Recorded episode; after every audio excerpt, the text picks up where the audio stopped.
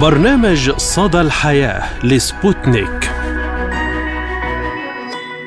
مرحبا بكم مستمعينا الكرام في حلقة جديدة من برنامج صدى الحياة. أقدمه لكم اليوم من استديوهاتنا في موسكو أنا فرح قادري. وأنا عماد الطفيلي. نتحدث اليوم في حلقة خاصة عن عصر الاضطرابات العالمية التغيرات المناخية والكوارث الطبيعية تهدم مدنا عتيقة وآخرها زلزال المغرب. الذي خلف آلاف الضحايا والجرحى وعاصفة دانيال التي أخفت مدنا في ليبيا وعشرات الآلاف من القتلى. وكذلك نسلط الضوء على المساعدات التي قدمت للمغرب وليبيا في هذه المحنة الصعبة. وكيف تتصرف السلطات المغربية والليبية مع هذه الكارثة؟ هل يمكن أن تقود الكوارث الطبيعية إلى إصلاحات داخلية بين البلدان؟ وهل تنقذ كوارث الطبيعة؟ علاقات دول الجوار من بين الركام والغرق.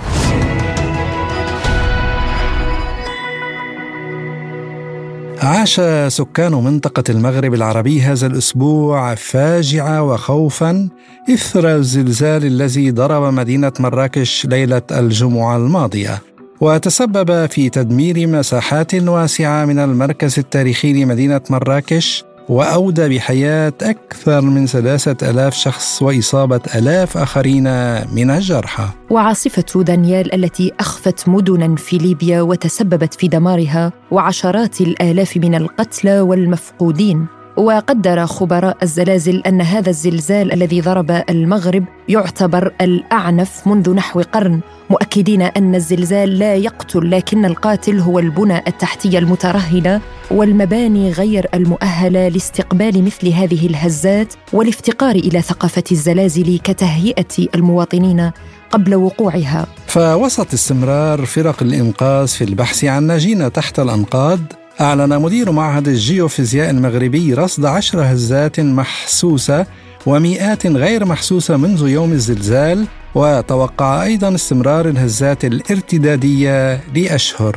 وحظي المغرب بحملة تضامن إنسانية عربية ودولية كبيرة بعد الزلزال المدمر حيث سارعت الدول العربية والأجنبية إلى تقديم المساعدات له في هذا المصاب الجلل وقامت الجارة الشقيقة الجزائر بفتح مجالها الجوي وعرضت مخططا طارئا لمساعدة المغرب وأمرت بتجهيز ثلاث طائرات اثنتان منها خاصتان بالأدوية والأفرشة والخيم والمواد الغذائية فيما الطائرة الثالثة مخصصة لعناصر الحماية المدنية الجزائرية المرفقة بكافة التجهيزات والوسائل الخاصة للتعامل مع هذا النوع من الكوارث.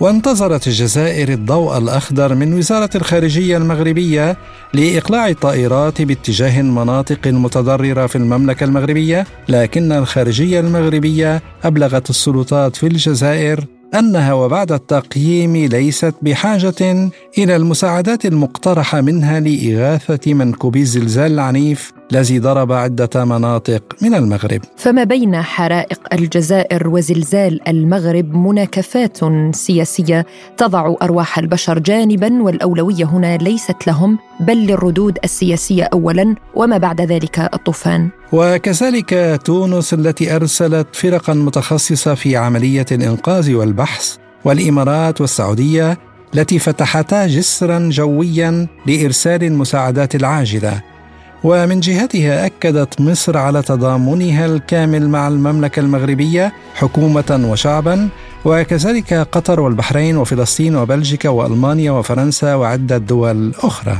مراسلنا في المغرب من عين المكان ومن مدينة مراكش الزميل محمد حميدة ينقل لنا التفاصيل.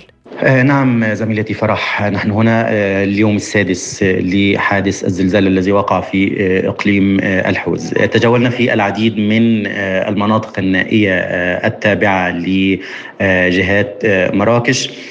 شاهدنا العديد من عمليات الإنقاذ المستمرة حتى مساء الأمس. كان هناك بعض الجثث تحت الأنقاض تواصل قوات الدفاع المدني أو الحماية المدنية المغربية عمليات الإنقاذ.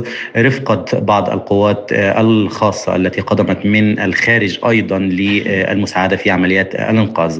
زرنا أيضا مراكز تبرع الدم ويعني اطلعنا على بعض التفاصيل والإحصاءات الخاصة بالمتبرعين. فقط العدد أكثر من 3000 متبرع حتى هذه اللحظة. لا يوجد هناك أي عجز في مسألة الدم متوفر بشكل كاف حتى أن الجهة المختصة بذلك أعطت مواعيد للمتبرعين حتى تكون هناك عمليات تنظيم.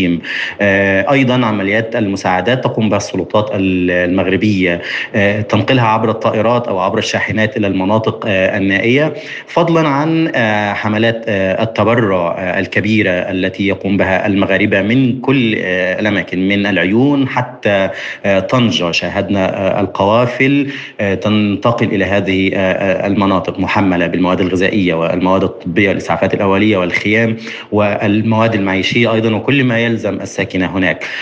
هناك بعض المناطق تضررت بشكل كبير لا يكاد أن يبقى فيها أي منزل حسب ما شاهدنا. هناك بعض الأماكن تضررت جزئيا ولكن في منطقة تلات يعقوب وضواحيها في منطقة مرزجان في منطقة السور الجديد. هناك شبه تدمير كامل لهذه المناطق. تتفاوت الضحايا ما بين منطقة والأخرى. لكن حتى هذه اللحظة تستمر عمليات الإنقاذ وعمليات الدعم الجوي والبري وعمليات تقديم كل ما يلزم الساكنة في هذه المناطق أيضا. وخلال تواجد مراسلنا محمد حميدة بمراكش نقل لنا صوت المواطنين عبر ميكروفون سبوتنيك. وعن أهل القرية اللي تنسكن فيها فين جمعنا هاد المساعدات اللي هي قرية العشاش جامعة حربي مراكش آه في هذه الفاجعة يعني في هذا الزلزال ديال الحوز اضطرينا حنا كالساكنه اضطرينا نجمعوا هذه المساعدات باش نساعدوا نساعدوا الأهالي ديالنا في الجبال. باش المهم جمعنا مساعدات الحمد لله من الناس ديال الاهالي القريه كلهم ما, ما بخلوش علينا المساعدة ديالهم. وبينا نلبيو الطلب الاخوان ديالنا وبينا نساعدهم بأبسط الحاجة. وهذا الشيء اللي يعني إن شاء الله القافله نحتاجها نحتاجها بالضبط لجماعه إيغيل. يعني تما فين كاين الناس فين كاين يعني بؤره بؤرة الزلزال وفين كاين يعني فين كانت الفاجعة الكبرى. ونتمناهم الله نتمناهم الله اللطف وشكرا جزيلا. شكرا جزيلا. قلت لك كاع الناس موالين الدور راه تضروا. اللي ما راه فيه الدار راه فيها الشقق والناس عندهم الدراري صغار. الناس راه تقهروا ما كاين إلا الماء المهم المواد الغذائية الحمد لله كاينين. احكي لي اللحظات الأولى اللي حصل فيها الزلزال بالظبط خرجتوا من إزاي؟ راه كنا ناعسين. ما بينا ما علينا حتى سمعنا داك الشيء ونضنا بحال إلا مشى لنا العقل ما كنا عرفنا شنو. حتى واحد ما بقاش عارف اللي غادي يكون عايش. الحمد لله على لطف الله أنتم من وقتها موجودين خارج المنازل. إحنا شدنا داك الشيء في الديور. شدنا في الديور. وكاع اللي قادي يهرب كاع فاش بغينا نخرجوا لقينا اللي البيبان مجغومه ما صدر اللهم لك الحمد العزيري فاتنا إحنا موجودين فينا هنا فين دلوقتي؟ دوار السلطه حنابت فاش ساكنين أنتم موجودين هنا في الشارع من وقت شارع هكذا تشوف بعيني من وقت الزلزال من وقت ما حصل الزلزال الزلزال الحمد لله هذيك الساعات عايشين في بيوتنا نضرب إحنا اللي كان يقول على قال لي نسكت كاع كنا جينا هذا فين نعسين من وقت؟ الشارع. الشارع. هنا الشارع وليدي. أو كل بالأطفال؟ لا إحنا هما تشوف الاطفال فين نعسين ندير داك خوامي داك الشباب نديروا للدراري. من البرد دورنا عليهم. الصباح نحيدوا هذا الشيء وهذاك الشيء اللي كاين. ومعنا أيضا من مدينة مراكش الإعلامي المغربي الأستاذ مرشد الدراجي للحديث أكثر عن الأوضاع هناك. بداية شكرا لك لتواجدك معنا في برنامج صدى الحياة عبر سبوتنيك عربي أستاذ مرشد وننقل تعازينا الحاره لأهالي الضحايا في المغرب الشقيق. يعني هل لك أن تنقل لنا أجواء ما بعد الدمار، حالة الأهالي، المباني، المستشفيات؟ شكرا أخت فرح. على كل حال أمر يختلف بين مراكش واقليم الحوز مراكش صحيح تضرر جراء الزلزال وقعت حالة من الفزع من الهلع خصوصا مدينة ذات عدد كبير من المواطنين باتوا في العراء لليلتين متتاليتين وهناك من اختار أن يضيف ليلة ثالثة على هناك هزات ارتدادية تسجل بين ساعه وأخرى ومخافة على أرواحهم وسلامتهم هناك من قرر أن يبيت في العراء. كذلك حصيلة الوفيات كانت حوالي 17 حالة إلى حدود الساعة تم انتشار كل الضحايا رحمهم الله. هناك خسائر مادية فيما يتعلق ببعض ببعض الأحياء داخل المدينة العتيقة بعض المساجد بعض المؤسسات الاجتماعية. هناك كذلك في بعض العمارات السكنية. لكن كما قلت مقارنة مع إقليم الحوز آه، يختلف الأمر. إقليم الحوز شيء آخر. إقليم الحوز إقليم منكوب تضرر بشكل آه، شبه كلي آه، دواوير محيت آثارها بشكل كلي انهيارات هنا أو هناك رائحة الأموات هي التي أزكمت أنوف كل الحاضرين هنا بإقليم الحوز. كثيرة هي المشاهد المأساوية التي نشاهدها هنا في إقليم الحوز. لكن في المقابل هنالك مجهودات جبارة تقوم بها السلطات المحلية وأبانت المملكة المغربية فعلا على قدرتها على التعامل مع هذه المثلة رغم شدتها ورغم صعوبتها ورغم هول الكارثة. المسلسل إنقاذ على قدم وساق السلطات المحلية وفرق الإنقاذ تواصل الليل بالنهار لأجل إسعاف المصابين والمعطوبين ونقلهم عبر مختلف الوسائل المسخرة لذلك إلى مختلف النقاط الاستشفائيه سواء تعلق الآن بإقليم الحوزي أو إقليم تاويدات أو إقليم شيشاوه. أستاذ مرشد يعني ما هي المصاعب برأيك التي واجهت فرق الإنقاذ وأيضا الأهالي ولو نتحدث عن التضامن الدولي مع المغرب يعني كيف استقبل المغرب هذا الدعم؟ صحيح اولا المغرب هو من الدول التي كانت سباقة كذلك إلى التضامن إلى التضامن مع مختلف الدول الشقيقة في مختلف المحن. هذا معروف على أنت رئيسه عقب حادثه حادثة الزلزال. تقدم فيه بالشكر العميق إلى الدول الشقيقة والصديقة التي عبرت عن استعدادها لمساعدة المغرب. إلى أن المغرب الحكومة المغربية السلطات المغربية وضعت بعض بعض الميكانيزمات والتقنيات لأجل استقطاب واستقبال هذه الوفود اعتبارا أنه قامت بتشخيص دقيق للحاجيات التقنية التي تستلزم الوضعيه غير ذلك إذا فتحت السلطات المحلية أو السلطات المسؤولة فتحت الأبواب هكذا لمن أراد أن يأتي أن يأتي بدون تنسيق ويتفق مع السلطات المحلية بدون معرفة الحاجيات الأساسية قد تكون حسب بلاغ وزارة الداخلية حتى تأتي بنتائج عكسية. الإعلام المغربي الأستاذ مرشد الدراجي شكرا جزيلا لك كنت معنا من مدينة مراكش. ونستضيف أيضا معنا المحلل السياسي المغربي الأستاذ سعيد بركنان. أهلا وسهلا بك وشكرا لتواجدك معنا في صدى الحياة. يعني كما ترى دول كثيرة قدمت الدعم للمغرب. كيف ترون هذا التعاون الدولي والتضامن في مثل هذه الكوارث؟ وكالعادة في هذه المواقف الإنسانية آه، غالبا ما يعني يسود العرف الدولي وهو تضامن مجموعة من الدول مع الدول آه، الدول المتضررة سواء كوارث طبيعية فيضانات أو زلازل إلى غير ذلك. بالنسبة للمغرب كذلك عرف مجموعة من تقديم آه، يعني مساعدات من طرف مجموعة من الدول سواء الدول الصديقة التي صديقة والحليفة أو حتى بعض الدول التي يعني على خلاف سياسي أو إيديولوجي معها كإيران مثلا. لكن كما نقول بأن الموقف الإنساني يتم تجاوز به كل الخلافات السياسية.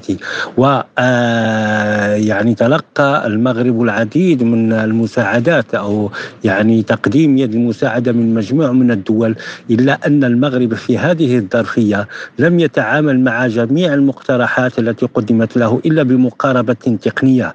يعني بانه لم يستجب إلى جميع الطلبات التي أو يعني الطلبات التي قدمها قدمتها أغلب الدول إلا بمقاربة تقنية بمعنى استجاب لبعض المساعدات التي قدمتها بعض الدول في الجوانب التي احتاجها الوضع أكثر خاصة فيما هو تقني يعني فرق تقنية لمساعدة على البحث عن الضحايا أو استخراج الأحياء من تحت الأنقاض أو بعض الآليات التي قد تساعد في نقل الجرحى إلى غير ذلك. أما من جانب المساعدات التي تهم المواد المواد الغذائية والأدوية فالمغرب لم يتعامل مع هذه الطلبات لأنه بشكل بسيط لأنه المغرب آه، فعلا لم تتضرر لم تتضرر إلا يعني المناطق الكبرى المنتجة آه، مثلا أو التي تعتبر بمثابة المدن الكبرى التي تدور الاقتصاد المغربي وبالتالي فإنه لم يتضرر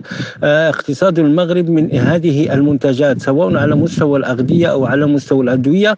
وبالتالي أن المغرب لديه رصيد مهم لمساعدة الضحايا والمناطق المتضررة. لكن بقت المقاربة بقيت المقاربة التقنية هي التي تعامل بها المغرب في المساعدات التي قدمت له من طرف الدول بمعنى أنه قبل بعض الفرق قبل بعض المساعدات بتقديم التي قدمتها الدول والتي كانت عبارة عن بعد مجموعة من الفرق التقنية التي تساعد في البحث عن آه، الأحياء تحت الأنقاض أستاذ سعيد يعني بالنسبة للجزائر هل من الممكن أن تكون كارثة الزلزال ولادة الحل السياسي بين البلدين الشقيقين وإعادة العلاقات؟ كما قلت سابقا بأن المغرب تلقى مجموعة من يعني تقديم المساعدات أو يعني اقتراح تقديم المساعدات حتى من الدول ليس فقط من الدول الصديقة والحليفة ولكن حتى من الدول التي على على خلاف ايديولوجي وسياسي معها كإيران.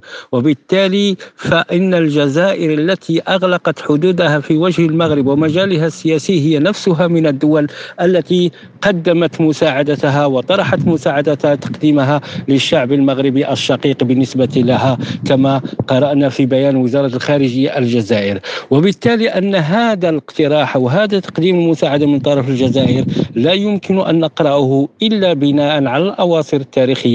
التي تجمع الشعبين وتجمع الدولتين من علاقات لا يفسدها بعض الخلافات المؤقتة التي وقعت مؤخرا. وكما يقال دائما في العلاقات الدولية وفي العلوم السياسية علينا أحيانا أن نحول الأزمات إلى فرص لإيجاد الحلول وتجاوز تلك الأزمات. ولن ننسى بأن المغرب منذ مدة طويلة وهو يمد يده إلى الجزائر للتشاور من أجل استمرار العلاقات كما كانت من قبل لكن لكن غالبا وكما نقول عندما يأتي عندما يأتي الجواب من خارج صندوق الأجوبة الجاهزة التي تتسم بصيغة عسكرية يمكن أن يلوح الحل. وبسبب هذه الكارثة الطبيعية تحرك الحس الإنساني ليزيح قليلا يعني آه، آه، العقيدة العسكرية في في النظر إلى هذه العلاقة. يعني كما تابعنا السلطات في المغرب قالت أنها بعد التقييم ليست بحاجة إلى المساعدات التي اقترحتها الجزائر. يعني لماذا برأيك لا يقوم الساسه بالفصل بين الأمور السياسية والأولوية لحياة الأفراد؟ دعينا نوضح مسألة مهمه حول مفهوم الرفض الذي يعني لا يتداول الآن إلا من الجانب الجزائري والدبلوماسية الجزائرية. لا أظن أن المغرب رفض المساعدات بشكل صريح من الجزائر ولا أظن أن أحدا من الشخصيات العمومية الدبلوماسية أو الحكومية أو وزير خرج للإعلام وقال نحن نرفض المساعدات الجزائرية أو أي مساعدات قدمتها أي دولة من دول العالم التي تعاملت بعرف دولي في فيما تتعامل به جميع الدول في مثل هذه الحالات التي تكون نتاجا عن كوارث طبيعية. كل ما في الأمر كما قلت بأن المغرب يعتمد مقاربة في إدخال المساعدات التي يحتاجها من أجل احتواء آثار الكارثة التي أحلت به وهي الزلزال هذه المقاربة كانت مقاربة تقنية بالدرجة الأولى ولم تتعدى إلى المساعدات التي تشمل المواد الغذائية والأدوية وغيرها. وبالتالي عندما نتحدث عن رفض المساعدات الجزائرية وخلط كل ما هو سياسي بكل بأولويات الحياة الإنسانية فأعتقد هنا يكون لبس لابد من توضيحه خاصة في الحالة المغربية الجزائرية. فالإنسانية هي التزام مبدئي بالأخلاق والانتصار لهذه القيم الأخلاقية مثل المساواة والانتصار للعدل والانتصار وحماية للحقوق وحمايتها وحسن الجوار وحسن التعامل. أما السياسة فما هي إلا تدبير لهذه الأمور وهذه الأخلاق في إطار الدولة. أي عندما نتحدث عن الدولة نتحدث عن الانتصار لهذه القيم الإنسانية على مدى استمراريتها في الحكم. لا أن نتعامل بانتقائية مرحلية. اليوم نحن إنسانيين يمكن أن نتعامل في مجالات أخرى. وغدا لا نكون إنسانيين ولا نتعامل. كما قلت الدولة هي استمرار استمرار في تدبير سياسي لأمور أخلاقية بما فيها الإنسانية. واظن أن دولة الجزائر هدمت كل هذه القيم في تعاملها مع المغرب خاصة في السنتين الأخيرتين بما فيها كل ما يمكن أن يكون قيمة أخلاقية أو إنسانية. ولا يمكن الآن أن نأتي وأن نتعامل من هذا من منطلق هذا الرفض الذي تتحدث عنه الجزائر أنه رفض يخلط الأوراق بين الإنسانية والسياسية لدى ساس المغرب. التصور الذي كان يطرحه دائما المغرب. هو تصور مستقبلي لعلاقات دائمة ومستمرة وليست مثل هذه العلاقات التي تطفو مرة إلى السطح ثم بمزاجية يتم إغراقها في عمق البحار. اذا هنا لا مجال أن نتحدث عن أن نتحدث عن خلط الأوراق السياسية بالإنسانية بل يمكننا أن نتحدث على أن الحاجة الآن إلى أفق سياسي ذو رؤية بعيدة الأستاذ سعيد بركنان شكرا جزيلا لك على هذه المداخلة. وأيضا نستضيف معنا الخبيره بالشأن الليبي الاعلاميه عفاف الفرجاني. أهلا وسهلا بك سيدتي الكريمة وشكرا لتواجدك معنا في صدى الحياة. وتعازينا الحارة للضحايا وللأهالي في ليبيا الشقيقة. أهلا وسهلا بحضرتك. إيه إن شاء الله إن شاء الله في جنة النعيم إن شاء الله جميعا. طيب يعني هل لك أن تتحدثي لنا عن الوضع العام في مدينة درنا؟ مدينة درنا الآن آه، مدينة منكوبة بمعنى الكلمة بكل ما تحمل تحمله الكلمة من معنى آه، درنا مدينة الظلام مدينة الجثث مدينة الأموات هناك ناس تحت الركام فاقوا الآن حوالي العشرين ألف المبلغ عليهم. إلى الآن فرق الإسعاف ما عرفتش كيف توصل تحت الركاب إن هي تنقذهم القصة في ليبيا العجز ليس عجز في في إيواء المتضررين من الاعصار الازمه الآن أزمة منقذين. ليبيا لم تتعرض يعني من 86 لم تتعرض لإعصار ولم تتعرض لكوارث طبيعية. الليبيين المسعفين ما عندهمش يعني خلفية يعني هكذا. ليبيا محتاجة لتدخل دولي. آه معلش من خلال قناتكم نحب نقول إن هناك تقصير حقيقي من القنوات الإعلامية الدولية في في نقل الوضع في ليبيا، الوضع مأساوي وكارثي، الناس في ناس تحت الإنقاذ كانت من ثلاثة أيام، كان في إمكانية لإنقاذهم ولكن فرق الإنقاذ الدولية والمتخصصين ما دخلوش لليبيا ولا دخلوا للمدن المنكوبه وإلى الآن بمجهودات ليبية يعني ذاتية. فالوضع محتاج لتدخل دولي. اليوم ليبيا تعاني كارثة حقيقية خاصة وأن عمليات الإنقاذ تلاقي صعوبة في الوصول للناس. يعني كيف تصفي لنا الوضع؟ إحنا كنا نناشد كل الشعب الليبي وناشد تدخل دولي. هذه الكارثة لو حدثت في أي دولة حتى دولة من من دول المجتمعات المتقدمة تقنيا حتكون صعب عليها لملمة الأمور حيكون صعب إنقاذ هذه الضحايا. الضحايا وصلوا بعشرات الآلاف يعني. هناك ما هو أخطر يا سيدتي الفاضلة. هناك جثث تتحلل. بعشرات الآلاف. هناك أوبئة حتكون في المنطقة. هذه مش حتكون على ليبيا فقط حتكون على حوض البحر المتوسط حتكون على دول الجوار على تونس على الجزائر على مصر. وهذه هذه جثث اليوم دخلت في ربع يوم يعني. أكيد حتتحلل يعني. والطقس أنت عارفة يعني. إحنا في الطقس الليبي الآن يعتبر صيف يعني. لم يدخل الخريف بمعناه الحقيقي. فالكارثة حتكون كارثة بيئيه بيئيه محتاجة لوقفة حقيقية من المجتمع الدولي محتاجة إلى إلى إلى تعاطف إنساني حقيقي. نعم وهناك الكثير من الدول التي تضامنت مع ليبيا وأرسلت فرق الإنقاذ. يمكن القول بسبب أن المدينة ساحلية فكانت عقبة أمام عمليات الإنقاذ برأيك. إيه طبعا حتى هذه من ناخذوها بعين الاعتبار ولكن آه، الفرق الانقاذ لم تتنادى من أول يوم وثاني يوم. الفرق الانقاذ دخلت عن ثالث يوم وثالث يوم ما تنسيش إن المدينة في أهالي فقدوا ذويهم موجودين الآن هم مسببين ربكه يبحثوا عن ذويهم وصايرة في فوضى وما فيش إدارة للأزمة حقيقية. وإحنا ما نبوش نحملوا الناس القائمة على عملية الإنقاذ فوق طاقتهم لأن هذا شيء جديد على ليبيا. وشيء جديد يعني علينا إحنا كليبيين. يعني إحنا منطقة لا فيها زلازل ولا فيها اعاصير منطقة بيئيا مستقرة يعني. الآن فرق الانقاذ يعني حتى أعدادها في فرق للمسعفين موجودة في فرق لتقديم يد العون لوجستيك بس فرق إنقاذ حقيقية متخصصة إلى الآن عددهم بسيط. الطيران مش موجود بطريقة يعني تكفي هذه الأعداد.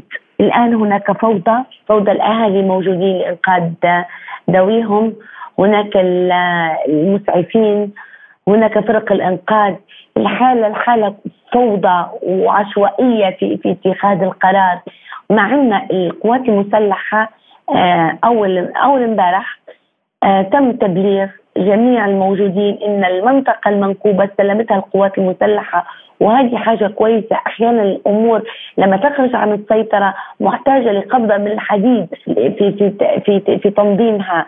الكثير أرجع شدة هذه الكارثة إلى ضعف البنى التحتية أكثر من شدة الاعصار، يعني ما تفسير ارتفاع أعداد الضحايا والمفقودين برأيك؟ آه طبعا هو الإعصار لو مر بدون وجود هشاشة في السد كان السد قوي. ما كان صارت هذه الكارثة؟ السد اللي اللي انفجر على الأهالي هذا سد مفروض مبلغ عليه من 2012 إن هناك صيانة مفروض لهذا السد. ولكن بسبب الأزمات المتتالية على ليبيا بسبب الوضع السياسي الموجود بسبب هذا كل الآن إحنا نحظ فيما فعلته الدول العظمى وعلى الحلف الناتو وتدميرهم للبنيه التحتية الليبية وتقاعس المسؤولين من 2011 عن ترميم هذا السد، إحنا الأعصار هذا واجهنا في 1986 وكان السد حقيقة سد منيع ولم يسمح للمياه بالتدفق، ولكن الآن أنت تتكلمين على ميزانيات تهدر، على أموال تضيع، على إدارات فاسدة، على حكومات ما يهمهاش الا إلا إلا الكراسي. فالوضع في ليبيا ليس هو وضع يعني بيئي أو بسبب الطبيعة بل بسبب الإهمال. هذا نحمل جميع الحكومات اللي جت من 12 سنة مسؤولية ما حدث من جريمة. هذه جريمة الآن التي حدثت في ليبيا. تخيلي أطفال بالجملة يموتون. رضع الآن عند بيوت آه، ناس هم ما يعرفوهمش أصلا. ولا يعني ايواء بطريقة عشوائية اللي يجي ممكن ياخذ طفل اللي اللي يستطيع انه هو يحمي عائلة يحمي عائلات تبكي بتليفوناتها تتصل لما بقت عندها شوية من الضغط تليفونات تتصل, تتصل تئن تئن تحت الركام تبكي اصوات تقطع القلب الآن. ولكن أعتقد إن لو إحنا مبلغين على عشرين ألف مفقود أو أكثر يعني ما نبوش نقول كلام ممكن يجرح الآخرين أو يزعل الآخرين ولكن لا أعتقد إن هناك أحياء وحتى لو طلعوا في أحياء مش حيتجاوزوا حتى ال 5%. الخبيرة بالشأن الليبي الإعلامية عفاف الفرجاني شكرا لك على هذه المداخلة.